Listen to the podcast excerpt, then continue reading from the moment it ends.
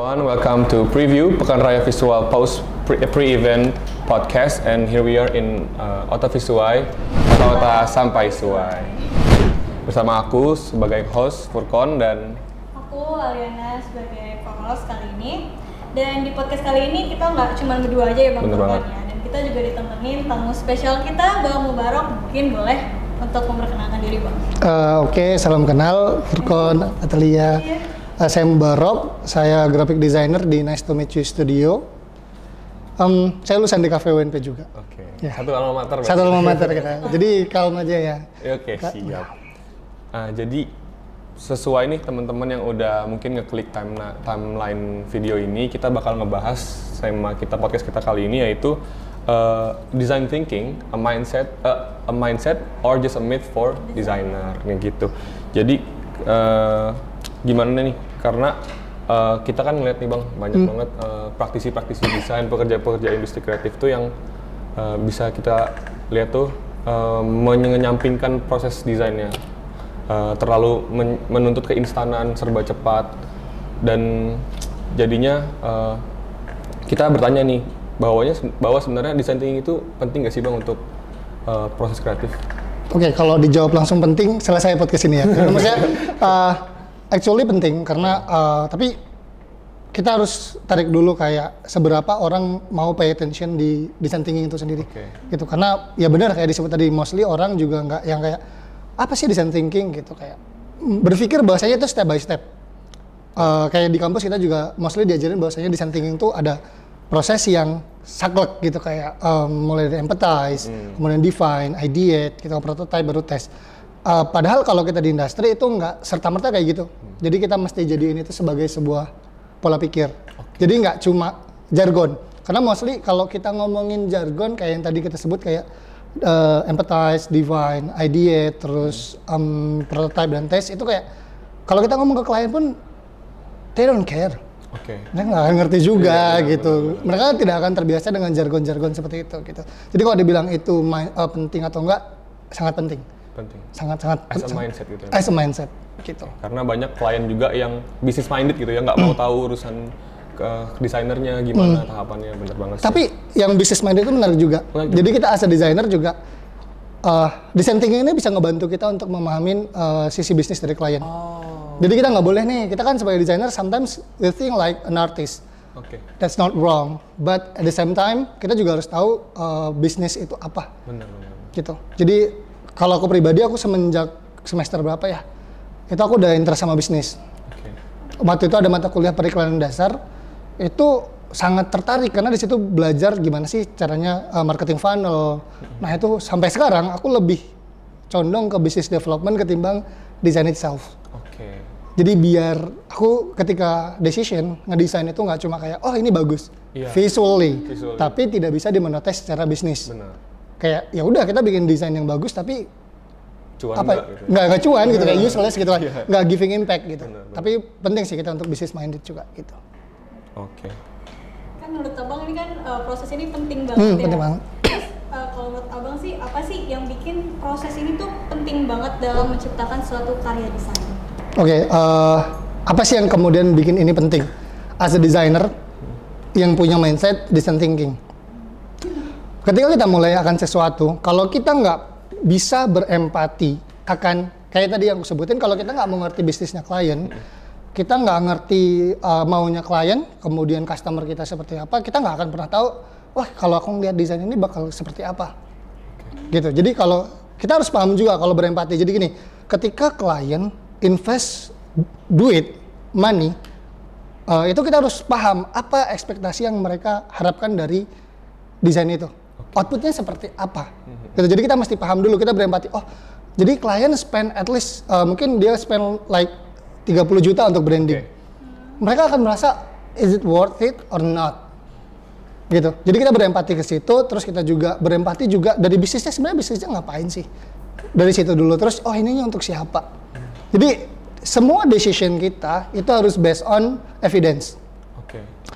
Ada asumsi di dalamnya tapi nggak boleh terlalu Banyak. banyak karena sifatnya desain itu kan never ending proses kita tuh kayak lompat lompat dari Iya. kayak dari muter lagi, iya gitu. dari empathize terus kita ke define terus ke ideate prototype test pas di tes kita bisa balik ke Balik lagi ke ideate lagi. i- bisa lagi gitu jadi kita kayak kita tuh eh, harus evidence based tapi same time memang ada asumsi di dalam yang bisa kita lempar ke publik baru kita tahu reaksinya seperti Ada apa. gray area juga. ada gray area-nya tetap tetap.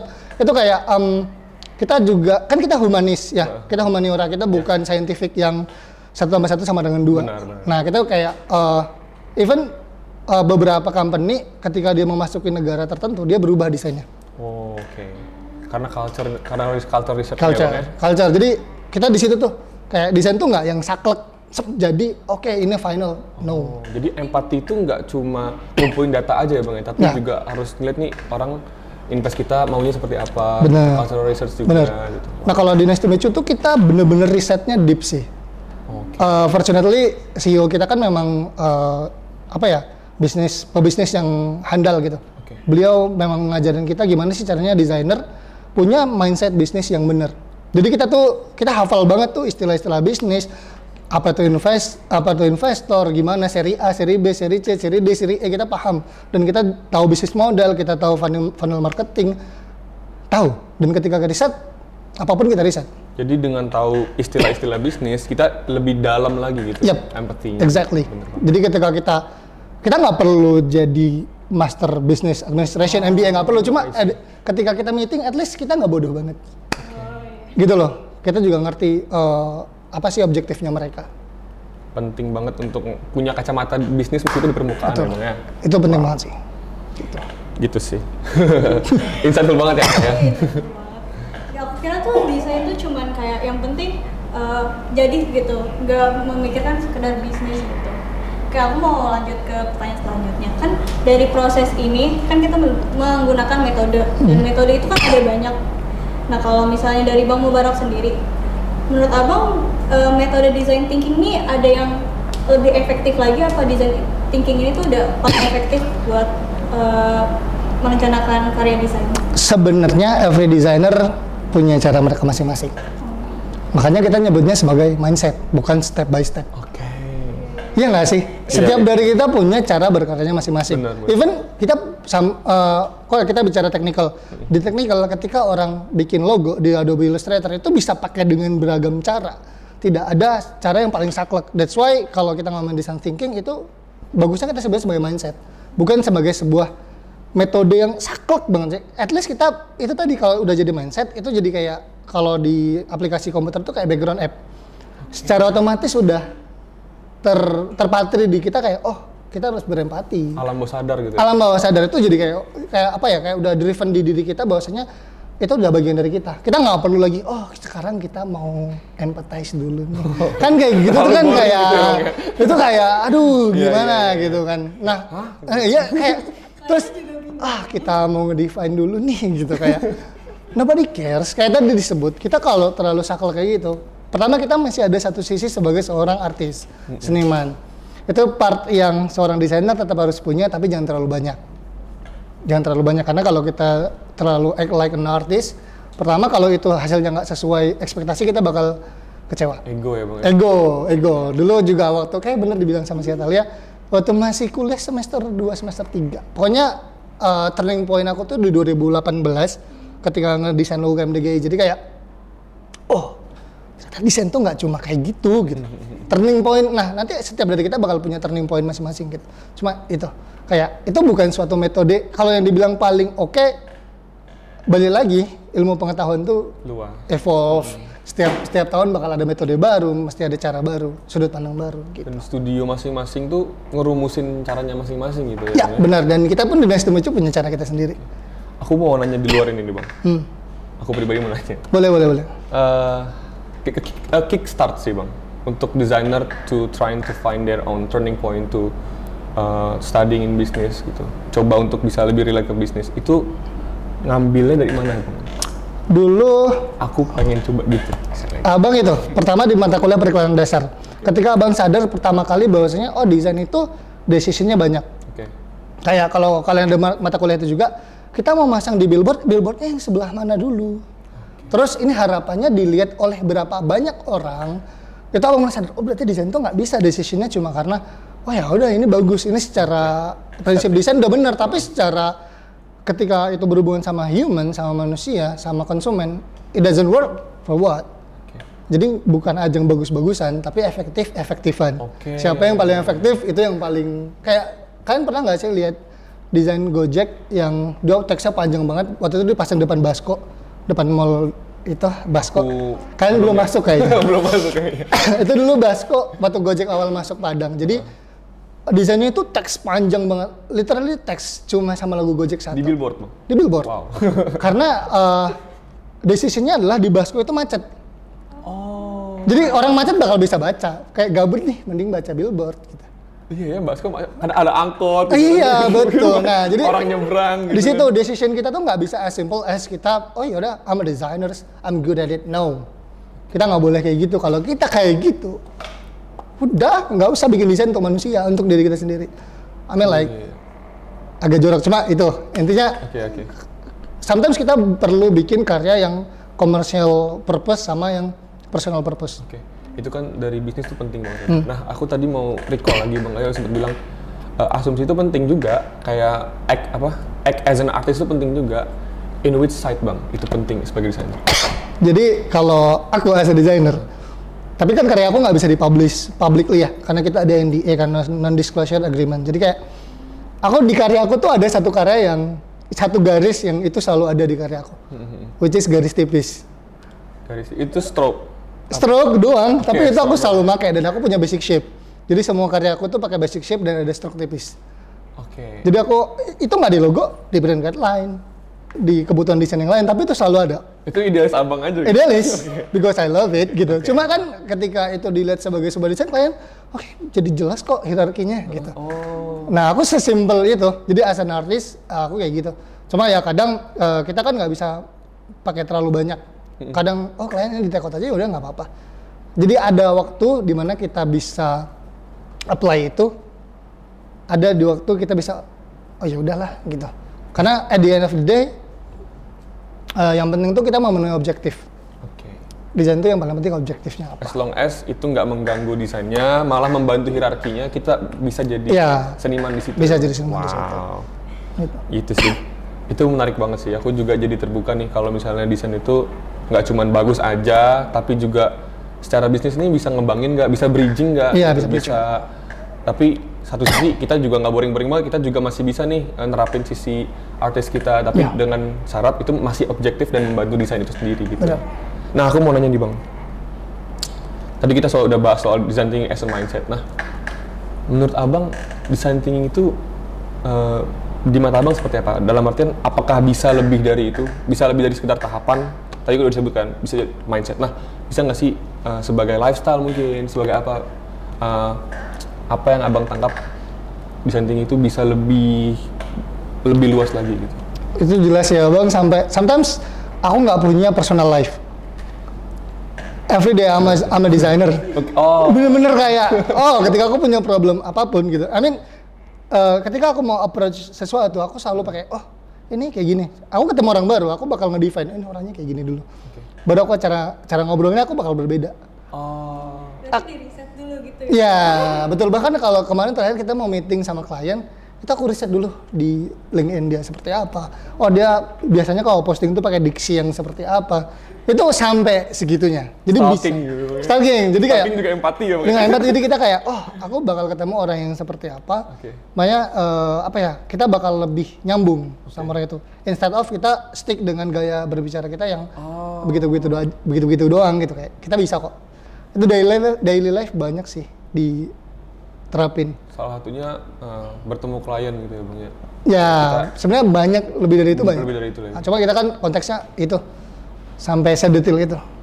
Kalau dalam Karena desainer juga pasti kan bertemu banyak orang juga, nggak nggak hanya behind the desk aja nggak sih? Iya benar.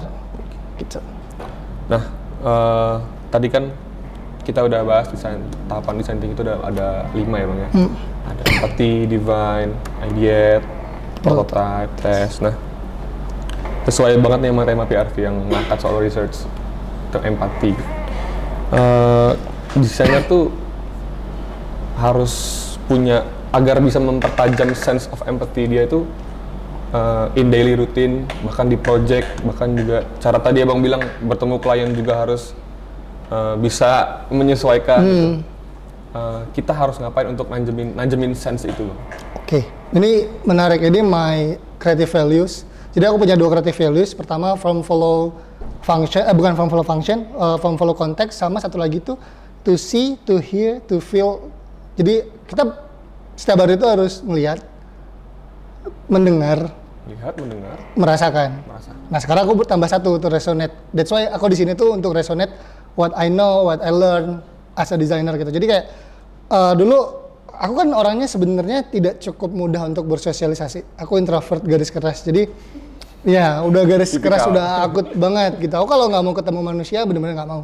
Nah jadi aku tuh eh, tetap eh, apa ya catch up hal-hal di luar itu lewat sosial media. Jadi aku tetap baca, tetap ngedengar. Even eh, apa ya di kampus ada apa gitu aku tetap tahu.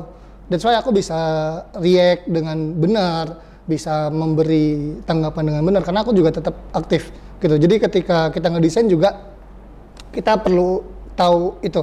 Jadi ketika kita ngelihat oh sekarang di uh, society itu lagi apa ya yang lagi rame gitu. Nanti kita bisa oh idenya bisa berangkat dari sini nih atau uh, base uh, apa ya pemikirannya bisa dari situ gitu. Terus kita juga sering ngedengar gitu kayak ya kalau ngobrol sama klien sama temen didengerin one day itu bakal jadi insight Oke. di kepala kita. Jadi as a designer kita juga mesti punya banyak perbendaharaan di kepala, nggak cuma visual. Kadang kita terlalu berpikir kita cuma di segi visual. Iya, lihat pinter saja. Ya pintar saja, tapi eh, aku akan selalu mengkampanyekan bahwasanya desainer itu harus suka baca. Baca ya. Itu udah nggak bisa dinego. Maksudnya aku ketika akan punya studio sendiri, aku akan mencari orang-orang yang suka baca.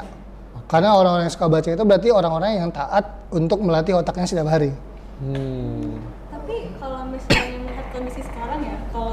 lihat kayak gitu kan masih banyak nih orang yang kurang literasi kayak bahkan eh, ada info-info di sosial media udah ditulis di ini misalnya jangan ini tapi tetap mereka lakuin gitu. Iya, ya, benar-benar. Hmm. Itu tetap ya balik ke awarenessnya kita, Iya. gitu kan. Bahkan kemarin sampai terekstrimnya, kita kan eh, banyak klien ya, yang banyak eh, bentuk macamnya, demand-nya. Itu dia demand, eh, kita bisa nggak masukin value feng shui di dalam logo kita? Feng shui. Tentu saja saya riset tentang feng shui. Tentu aja cari lagi ya. Tentu saja saya riset, saya Tentu membaca saja, lagi gitu. sangat baca ya, sang- sang- wah, sangat baca Itu sampai, waduh gila sih. Jadi kayak segitunya ketika kita as a designer, Oke. latihannya daily aja kayak kalau belum kebiasa baca, ya sehari satu paragraf. Oke. Satu hari, abang kalau lagi sibuk sehari satu paragraf, satu paragraf. Gitu, jadi yang latihnya itu. Yang indera yang kita punya diaktifin aja. Oke, jadi lebih banyak baca, lebih aware lihat Iya, dan coba coba memposisikan diri untuk jadi pendengar yang baik gitu. Ya. Mungkin sama klien kadang bisa kita ambil gitu ya, Bang. Jadi kita nyobain sepatu mereka tuh rasanya gimana sih gitu. Gitu kayak eh, kalau kita punya bisnis, kita pengennya apa? Kita pengen bikin desain yang bagus tapi murah. Gitu maksudnya enggak. Maksudnya efektif secara Iya. pendanaan gitu. Enggak enggak cuma eh, bagus Ah, doang. Oke. Mungkin kita bakal ada jeda waktu dulu deh teman-teman. Eh, tuh, jangan ke mana-mana, tetap stay tune di Otavis Y Podcast.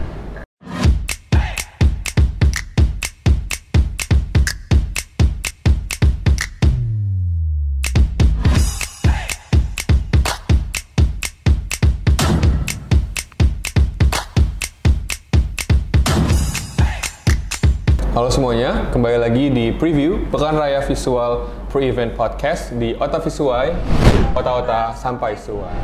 Nah jadi teman-teman yang udah ngeliat tadi eh, official collectible merchandise-nya Pe- Pekan Raya Visual bisa langsung di pre-order di Instagram at Pekan Raya Visual. Jadi buat teman-teman yang pengen banget buat beli bajunya ini kan kita udah nggak display, bisa banget cek Instagram kita di @pekanrayavisual. Oke. Dibeli. Siap. Ikut promosi dong. ya boleh, boleh, boleh, boleh banget. Gimana gimana? Nah, jadi kita langsung lanjut aja nih Bang, Boleh. ke, pod- ke podcast kita. Eh, tadi kan kita udah bahas tentang research nih bang. Eh, kalau misalnya kita nih sebagai desainer, kalau abang tuh kalau melakukan proses research ini tuh sampai ber- seberapa dalam sih sampai eh, research ini tuh full gitu. Maksudnya udah bisa menjawab hasil karya ini. Kalau dari abang tuh gimana sih? Kita balik dulu. Biasanya desain itu kan ada brief. Brief. Ada creative brief. Nah, di dalam creative brief itu biasanya dia objektif. Eh, sebagai example, eh, kita akan membuat visual identity untuk startup di bidang pertanian. Oke. Abang pecah dulu.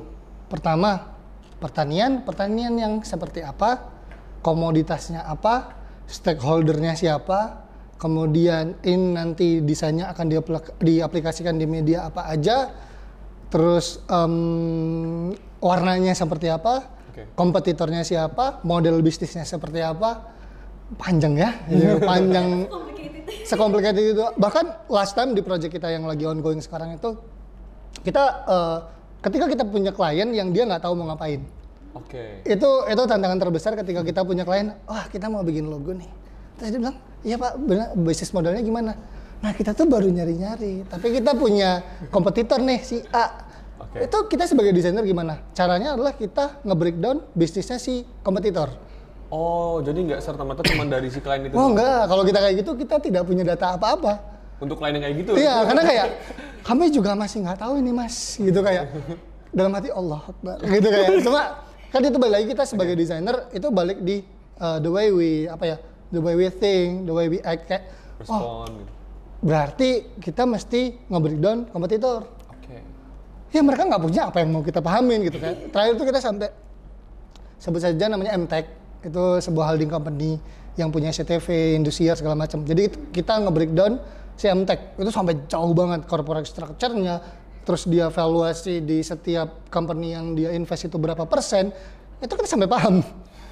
Sampai paham. Jadi kayak kita punya kosakata yang banyak banget akhirnya setelah kita nge-breakdown, oh ini si MTech seperti ini. Baru kita bawa ke klien, nah si kompetitor kita tuh seperti ini loh gitu. Nah kita sebagai company, sebetulnya company A gitu, nggak bisa disebut ya, eh, itu mau dibawa ke mana?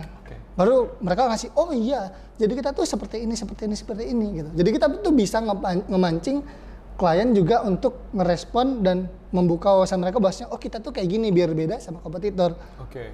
Jadi kita kan kita sering ya kalau bilang tentang kompetitor tuh cuma di list, Oke. di list doang kayak ah siapa kompetitornya si A, si B, si C. Kita nggak ngerti kompetitor tuh ngapain, Nggak dijadiin benchmark ya. nggak jadi benchmark gitu. Jadi tujuannya ada kompetitor tuh kita memahamin bisnis mereka seperti apa dan mereka di desain mereka tuh approach-nya seperti apa Oke. gitu. Jadi Sampai segitunya gitu. kreatif briefnya berarti nggak terlalu kaku nggak sih bang? Nggak, nggak terlalu kok, nggak bisa. Tiap klien pun bisa beda-beda gitu. Bisa beda-beda, tapi at least yang dicari itu objektif. Objektifnya. Jadi objektifnya apa? As long as kita masih stick. Jadi ketika ketika ngedesain ibarat kata ada satu paku yang di mana kita mau narik tali sejauh apa pun, kita masih ngikat sama dia.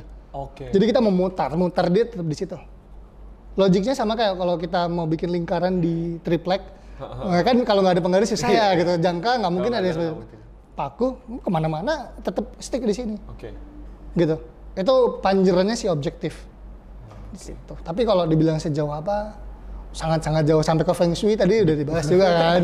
itu liter, ya, eh sampai ke, ke depends. Eh, kadang ada klien yang gampang, dia punya data selengkap lengkapnya. I mean ada yang sampai ngasih tahu report keuangannya mereka dalam tahun itu. itu Tapi berguna nggak sih? Ada berguna. Kadang kita mau memahamin revenue streamnya mereka gimana sih cara model bisnis mereka. Mereka dapat duit dari sebelah mana Oke. itu penting banget kalau mereka punya data selengkap itu. Wah itu sangat memanjakan desainer sih sama si art directornya atau creative directornya. Pure tinggal ngedesain aja gitu. Iya, kita kita approach-nya di visual. Kita nggak perlu kayak pusing-pusing. Wah ini bisnisnya ini nggak perlu, karena udah jelas gitu. Oke.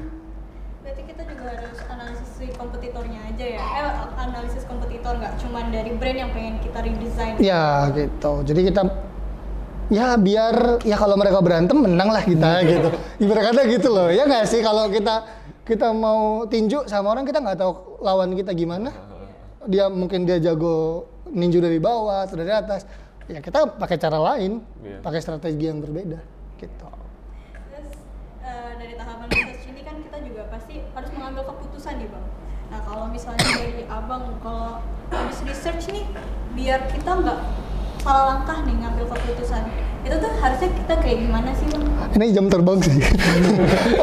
Jujur ini eh, depends on eh, seberapa lama kita di industri. Oke.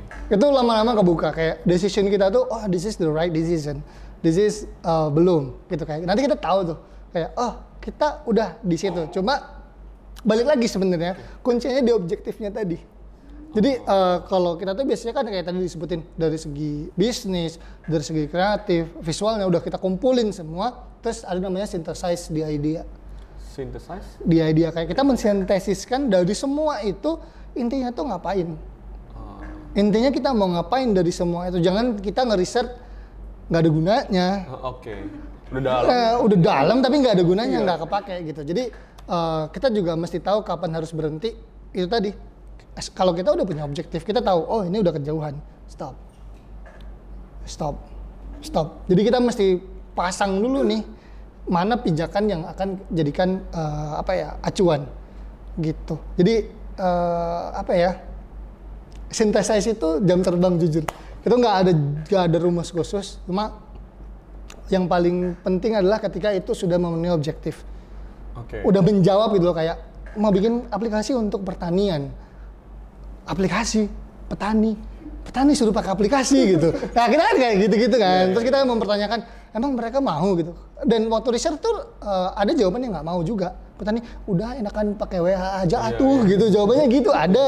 Ada. Jadi kayak kita oh berarti solu approach-nya kita bikin oh ini tetap eh, risetnya tuh oh kita ngambil desain yang tetap uh, tech savvy tapi at the same time ramah untuk si pengguna petani. petani. Kalau kita bikin logo kayak logo PRV, logo KMDG untuk petani mereka apaan iya gitu kan, gitu apaan nih gitu. Jadi kita iya, mesti iya. paham gitu kapan Iya. kita berhenti di research gitu. Aku mau mungkin di luar ini bang. Aku mau nanya pribadi.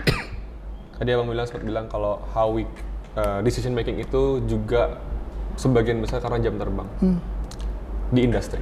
Di industri. Di industri. Di industri course. Kalau jam terbang kita kan pasti di kampus. Nah, how we manage that? How we manage uh, jam terbang itu, uh, tapi masih dalam scale kampus dulu nih.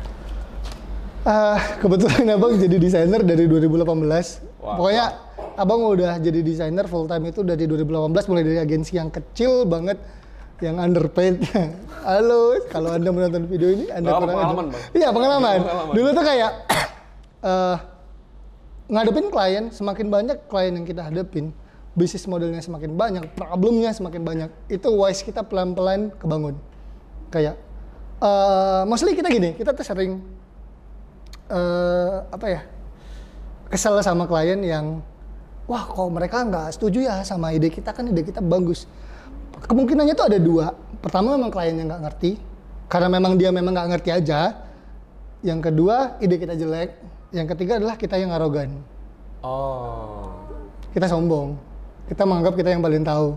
Kita yang paling si paling desainer lah. Paling, si paling desainer gitu. Sometimes kita mesti juga kayak tadi hindarin pakai diksi-diksi yang mereka apaan dah? Akhirnya mereka sebenarnya itu penting tapi mereka nggak akan nggak akan ngeh juga sama istilah-istilah kita. Nah jam terbangnya itu perbanyak. Oke. jadi kalau ketemu kasus susah itu pertama refleksnya ke diri kita dulu aku salahnya di sebelah mana dulu. Jangan nyalahin eksternal gitu. Dulu aku juga nyalahin eksternal sih. Cuma ini kan aku mau share pengalaman bahwasannya kayak gitu tuh salah. Kalau kita selalu menyalahkan eh, eksternal. Kayak oh aku kurang efektif ya berarti di proses ini. Berarti aku approach-nya kurang pas ya gitu. Jadi reflect dulu ke diri kita next time ketika kita punya same problem. Even mak- maksudnya ketika, ketika kita di kampus itu kita bakal belajar. Kayak dulu aku pertama kali join tim kreatif itu 2016. Aku maba di PRV pertama. Itu eh, aku sama Bang Restu. Thank you banget. Aku diajarin banyak hal. Gi- Gimana sih cara manage dan waktu itu ketemu beberapa kekurangan-kekurangan yang akhirnya waktu aku di KMDGI, aku mem- mencoba untuk tidak mengulangi kesalahan yang sama. Jam terbang balik lagi. Kita pernah merasakan itu. Jadi salah, tapi nextnya jangan salah lagi gitu jadi kita reflect dari kita oh kemarin tuh kurangnya di sini approach-nya harus kita tuh kayak gini kayak gini kayak gini gitu jadi kita harus apa ya istilahnya kalau orang zaman sekarang self aware self aware. Jadi ke diri kita dari project-project yang udah ada Iya. gitu. Kalau jadi kayak percuma juga punya ide bagus kalau kalau kita nggak bisa komunikasi dengan bagus itu juga jam terbang itu ya bang. Benar, kita punya ide out of the box lah atau out of the world, out of the earth, udah sampai Mars gitu. Tapi klien nggak mudeng. Nggak mudeng. Buat apa? Jadi esensi komunikasi kita hilang juga kan. Padahal kita kan desain DKV itu K-nya tuh komunikasi. Komunikasi. iya, bukan kesel sama klien, bukan. Gitu. Jadi Bukan di- kolot juga. Bukan kolot juga, bener. Oke, menarik banget sih. Hmm, udah habis ya? Oh, yang kalau Apa nih? apa desain thinking sebagai pola pikir oh iya, aku ya. Ini kalian, aduh, nggak apa-apa. Gas kan. Oke. Balik kesalahan untuk belajar. Belajar. Kayak tadi juga. Kayak tadi gitu. Mungkin next time di podcast berikutnya Ya, nggak bisa diulang lagi. iya. Oke. Kita. Tadi kita udah eh, gimana sih desain thinking itu harus bisa menjadi mindset kita gitu. Nah, eh, menurut abang nih, contoh desainer yang sudah menerapkan design thinking for their mindset, yang udah application itu juga ke ke berbagai kebutuhan kehidupannya gitu, permasalahan kehidupan. Itu desainer yang seperti apa bang? Desainer yang em, decisionnya tadi evidence based. Oke. evidence based. Jadi kayak ada buktinya dulu gitu. Kalau kalau kita di Nice to Meet You tuh even sesimpel kita milih foto, itu harus ada uh, reason. Reason. Jadi ah reasonnya kenapa? Oh dia uh, demografinya yang seperti ini seperti ini. Itu bener-bener kita kayak milih font itu kan sometimes orang berpikir "Ya udahlah Feeling aja. Gitu. feeling aja. Oh, san, ya. Aja, gitu. Yang penting sans serif. Nah, gitu kalau kalau kita nggak kayak oh device-nya apa? Kalau saya kan banyak mostly klien kita tuh digital platform kayak website, Hmm. eh, mobile app. Jadi kita decision-nya kita bener-bener cobain dulu nih size-nya. Terus, wah ini noise enggak ya ketika jadi teks panjang. Itu dipikirin sedemikian jadi rupa. text. Ya, jadi kayak eh, desainer yang intinya yang evidence based. Evidence based. Evidence based Bisa berupa angka, bisa berupa angka, bisa berupa respon. respon. Karena Bisa kalau real case juga ya. iya kalau angka di kita itu kurang. Kalau anak Kurang. produk digital produk bisa. Kayak how much they click the button itu bisa. Oh. Kalau kita kan nggak bisa Iya, dong. kita Kita nggak. kita nggak bisa dihitung. Kita gitu. visually communicate aja. Ya, visual communicate. Nah, kalau mereka bisa ngitung kayak, oh tombol ini cukup intuitif karena bisa ditekan seribu kali contoh. Orang nggak pernah neka- salah nekan tombol yang sebelah gitu. Gitu kalau evidence base-nya anak produk digital. Kalau kita kan nggak bisa digituin. Tapi at least ya respon kayak gitu. Gitu sih. Oh, insightful banget. Ya jadi eh, sesuai nih bang dengan tema kita kan, tema kita kan eh, pentingnya riset dalam proses kreatif, terus juga dalam menggali informasi biar nggak eh, terjebak sama asumsi tadi. Terus juga udah disebutin juga kalau eh, desainer yang sudah menerapkan desain tingginya ke mindsetnya itu yang evidence based gitu, sudah punya buktinya gitu. Nah, eh, menurut bang Barok nih, eh, gimana caranya eh, kita sebagai desainer yang udah misalnya kita udah merasa kita event based gitu, bisa eh, mencoba untuk apa ya mengajak gitu sih. Kayak mengajak untuk teman-teman yang lain juga bisa eh, dalam project-projectnya gitu. Bisa lebih gimana? Aware tentang aware gitu. Oke. Pertama kita harus uh, berdiri di sepatu yang sama. I mean kadang kita udah ngobrolin ngalur ngidul segala macam tapi orang itu bahkan tidak duduk uh, tadi. Mereka menganggap design thinking adalah sebagai sebuah proses yang saklek akhirnya mereka males. Apalagi anak desain yang rada-rada males ya ngikutin aturan gitu. Jadi kita mesti berpikir bahwasanya oh ini tuh sebuah pola pikir yang dari tadi kita kita sebut. Jadi kita samain oh kita every proses itu harus uh, berpacu berpaku ke uh, design thinking itu sendiri gitu. Dan kalau dibilang mengajak self aware sih. Kayak ada orang yang mau dan ikut menerapkan itu ada yang enggak. Ada yang pertama ada yang enggak. Padahal pada akhirnya mereka akan menerapkan itu secara tidak sadar. Tidak sadar. Mau nggak mau karena memang itu sebuah proses yang sebenarnya menarik sih untuk tetap dipakai. At least sampai belum ada yang bisa menggantikan itu lebih jauh gitu ya. meskipun metode yang ter, ter- apa tertahapannya itu beda-beda tapi Bisa beda-beda. secara, secara pola pikir nggak Secara pola- ah, bener.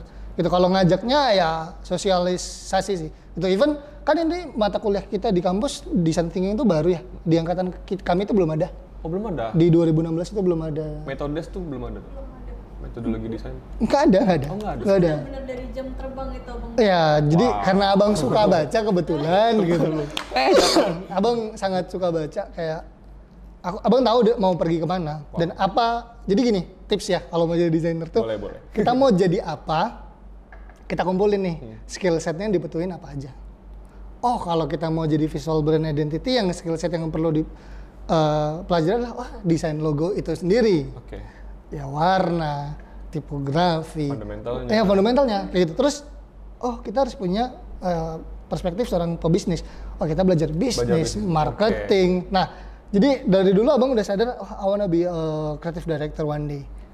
That's why aku udah ngumpulin skill setnya itu satu persatu dari zaman kuliah. Oke. Jadi lebih aware bahasanya, oh ternyata aku mesti ngumpulin ini selama kuliah. Jadi ketika aku pun lulus, mau tepat waktu ataupun telat, itu aku sudah punya uh, amunisi yang cukup untuk masuk ke industri. Sama dengan cara kita kayak gini pun kita juga udah bisa mengajak nggak sih bang benar. untuk teman-teman itu bisa eh, mari kita kayak lepaskan sedikit asumsi dan coba untuk kalau mengambil keputusan dalam desain itu harus evidence based dan Iya, segala macam. benar. Walaupun nggak 100%. Oke, masih ada grayscale lah ya. Pastilah, pastilah kadang kita mau seneng-seneng juga di dalam kan gitu. Biar masuk Porto cakep. Iya. Ada, tetap ada. Oke. Gitu. Eh, mungkin kita lanjut ke last question nih ya oke last question. kan dari judul uh, podcast ini kan design thinking a mindset or just a made for designer. Kalau menurut abang nih, design thinking itu sebuah pola pikir atau hanya mitos sih buat pekerja kreatif sekarang last, nih? last statement. Eh, abang sebenarnya dari zaman sekolah suka banget sama quotes-nya Steve Jobs. Design is not just how it looks like and feels like. Design is how it works. Dan Tadi di bawah tuh. Iya, how it works itu tadi bisa pakai design thinking. Kita bisa bisa tahu kan, maksudnya, oh ini nanti akan di apply di uh, bisnis ini, konsumennya ini, medianya ini, itu kita bisa bisa bisa lihat di situ juga gitu. Jadi abang selalu nggak nggak apa ya me- mengutip itu tentang uh, desain itu bukan cuma tentang gimana itu kelihatan, gimana itu terasa, tapi gimana itu bekerja. Jadi abang akan tetap bilang kalau itu sebagai sebuah mindset. Harus mindset. Harus, harus itu kayak basic skill setnya seorang desainer sih. Gitu. Oke. Wah. Oke, kita juga udah ngumpulin beberapa pertanyaan dari uh, IG PRV dan ini ada beberapa pertanyaan dari follower kita. Oke. Oke, yang pertama itu ada pertanyaan dari Ed Fajri Tami. Yang pertanyaan nih, nggak nemu titik terang pas nge-research alias masih nggak paham dengan hasil research. Nah, kalau menurut abang sendiri nih gimana sih uh, kita tuh mencari titik terangnya ini nih? Oke. Eh, ini yang disebut tadi ya kita udah sebenarnya udah udah call Udah, namanya udah ini ya. synthesize idea. Synthesize idea. Jadi- Objektif gitu ya. Iya, jadi eh, kalian pernah tahu diagram Venn nggak? Yang bulat, bulat, nah di tengah gitu. Jadi eh, kalau kalian nggak terbiasa untuk mengawang-awang di pikiran, semuanya ditulis. Oke. Jadi Tulis. iya, soalnya kalau kalau abang punya papan tulis di kepala. Jadi Oh. abang iya abang aneh dari kecil punya itu. Jadi kayak bisa mikirin oh ini part bisnis, ini part kreatif, ini part klien, ini part aku as a designer. Itu nanti potong-potongan tuh. Nah, sweet spot di tengah itu itulah Batas. titik terang. Tapi kalau kita nggak nggak bisa punya pemikiran terstruktur kayak gitu, ya benar kayak tadi nggak ada sweet spot itu ya objektifnya tadi bakal lari ke sana, lari ke sini. I mean useless. Iya. Makanya nggak nemu-nemu kan gitu, karena nemu-nemu kita nggak punya tujuan kita tadi, nggak punya objektif yang pakunya tadi gitu. Itu penting sih. Jadi sweet spot itu harus itu yang dicari. Harus cari sweet spot, yang cari tulis, tadi dengan diagram Venn. Iya bener. Jadi kayak ya literal lah kita bikin buletan. Oh dia tuh bisnisnya ini ini ini ini. ini. Oh dari segi kreatif, oh dia mau pakai warna hitam, merah, biru segala macem gitu. Terus ini dari kita as designer kita mau saja seperti apa. Dari klien, oh kita maunya gini gini gini gitu. Cari tuh tengah-tengahnya yang bisa mewakilin empat sisi jadi satu solusi. Oke. Berarti kita harus mencari titik tengah dari Iya, titik tengah. Eh, garis garis merah. Garis merah. Eh, benang merah, benang Oh, merah. benang merah. Istilahnya benang merah. Uh, terus ada juga pertanyaan dari Ed Divo Yursal yang pertanyaannya ketika harus ngabarin ke klien yang mau cepet jadi nih bang? Padahal kebutuhan dia uh, harus dengan proses yang rumit. Itu gimana sih cara kita nangkep klien ini nih? Eh, aku Iya. as a designer kalau di freelance itu ketika pitching pertama udah nyebut oh kita estimate kita tiga bulan ya gitu. Atau estimate kita dua bulan atau sebulan. Itu udah jelasin kita harus fair dong. Kita nggak yang kayak tadi kalau kita terlalu artis kita bakal kayak wah ini lama ini nggak bisa cepat tapi tidak reasonable Oke. tidak evidence based maka klien doang gitu. iya klien kayak apa anda aku kan bayar gitu Iya, kan iya, iya. jadi kayak pertama eh, deal di eh, deliverable-nya kayak oh nanti anda yang akan dapatkan ini timeline-nya ini mau setahun setahun kalau dia oke oke gas gitu Hmm. jadi pertama tuh ketika mulai project yang pertama disepakati tentu cuan Oke. cuan terus deliverable. Terus timeline. Di timeline itu eh disebutin juga kalau nanti kan kadang kita udah provide konsep tapi mereka kurang cocok oh berarti bisa extend time, Extend. extend timelinenya. Itu ngomongin di awal juga. Udah di awal semua jadi fair. Jadi kita kayak nggak ada kesel karena faktor-faktor kayak gitu. Jadi mending jujur dari awal nggak cocok nggak usah karena balik lagi kita nggak bisa kan kompromi hal yang nggak bisa kita Gak bisa juga revisi tanpa ya kayak sampai gitu akhir gitu. bener berarti kita langsung milah klien dari jatuh timeline kita dulu ya ya tapi ya balik harus evidence based evidence based. kayak lagi. reasonable nggak sih bikin sketsa satu bulan gitu. tidak reasonable, Tidak gitu. reasonable itu. karena kita sering ada yang wah aku nggak mood Eh, biasa itu biasanya anak-anak kuliah sih Itu ketika kerja ketika kamu butuh uang kalian tidak akan menggunakan mood. Tuhan kan adalah Tersindir uang. saya. itu sisi sisi Ya, artis. ya, sisi artis. sisi artis gitu. Eh, terus lagi ke pertanyaan terakhirnya dari followers kita ya. Dari @adan.is yang pertanyaannya udah udah usaha nih nge-research tapi kadang suka dead end maksudnya udah buntu nih pas nge-research. Oke ini ya. Aja menarik ya. Ini pot bunga ini masuk di cover nggak? Eh, ada satu quote dari dosen ITB yang mengilhami abang sampai sekarang. Seorang desainer grafis itu yang khas itu adalah sudut pandang. Kalau kita mau bilang kita jago visual tapi kita nggak punya sudut pandang yang unik karena kita bakal mirip punya orang walaupun kita nggak nggak nggak niat plagiat Oh. tapi karena kita nggak punya sudut pandang yang unik, jadinya sama, mirip gitu. Nah itu tadi, kalau dia dead end, ini deh, kita bisa muter. Bisa dari sini ngeliatnya, dari sini, dari sini. That's why kita harus pintar. kita harus pintar. Kita harus punya pintar itu bukan berarti kita uh, harus juara olimpiade tingkat galaksi enggak. Maksudnya kita punya banyak uh, perbendaharaan tadi yang kita sebut di awal. Kita oh kita puter nih. Kita putar lagi. Kita putar lagi. Kita putar lagi. Punya banyak sudut panjang gitu. ya? Ya, jadi uh, project yang baru selesai bulan ini, atau kita ada satu company yang dia pokoknya nggak mau tahu harus ada infinite symbol di dalam logonya. Maksa gitu. Mak- karena dia percaya ya, percaya di Feng Shui itu God of Wealth. Jadi Oke. dewa kemakmuran itu di logonya adalah angka 8 infinite. Kalau kita mau ngikutin bentuk infinite pada umumnya itu bakal Generik. mirip, generik, sangat generik karena generik. itu si- sifatnya udah semiotika, udah simbol yang disepakati oleh Banyak orang. banyak peradaban di muka bumi. Bahkan matematika pun pakai itu. That's why. Itu makanya kita coba, oh sudut pandangnya harus diubah. Diubah. Eh di tweak, di tweak. Akhirnya waktu present terakhir, this is what I want. Oke. Kata mbak itu. Gak serta merta itu. Iya, this is what I want. This is it. Terus dia sampai teriak-teriak kayak kita kayak gitu. Jujur, ekspresi kita kayak kaget gitu kayak "Hah, segitunya gitu. Jadi kayak kalau dead end sudut pandangnya dibalik. Diubah kayak dulu jadi ini tuh turning point-nya waktu abang kuliah. Ini sama almarhum Pak Jang Zai uh, Al-Fatihah untuk beliau. Beliau tuh ngasih contoh eh, beliau nulis satu titik di papan tulis. Oke. Terus beliau bilang, ini apa? Kami satu kelas jawabnya, titik pak. Terus beliau bilang, siapa yang bilang gitu? Kami pak, begitu. Sekarang, saudara bayangkan kalau saudara diberikan eh, apa instruksi untuk melihat dari sudut pandang lain. Ini bisa garis. Itu kayak, tapi dilihat jadinya titik. Itu kan kayak, Oh. Iya juga Conventional gitu. ya? Iya, ya nggak sih gitu. dari titik pas kita coba dari sisi sini, wah ternyata garis. Iya.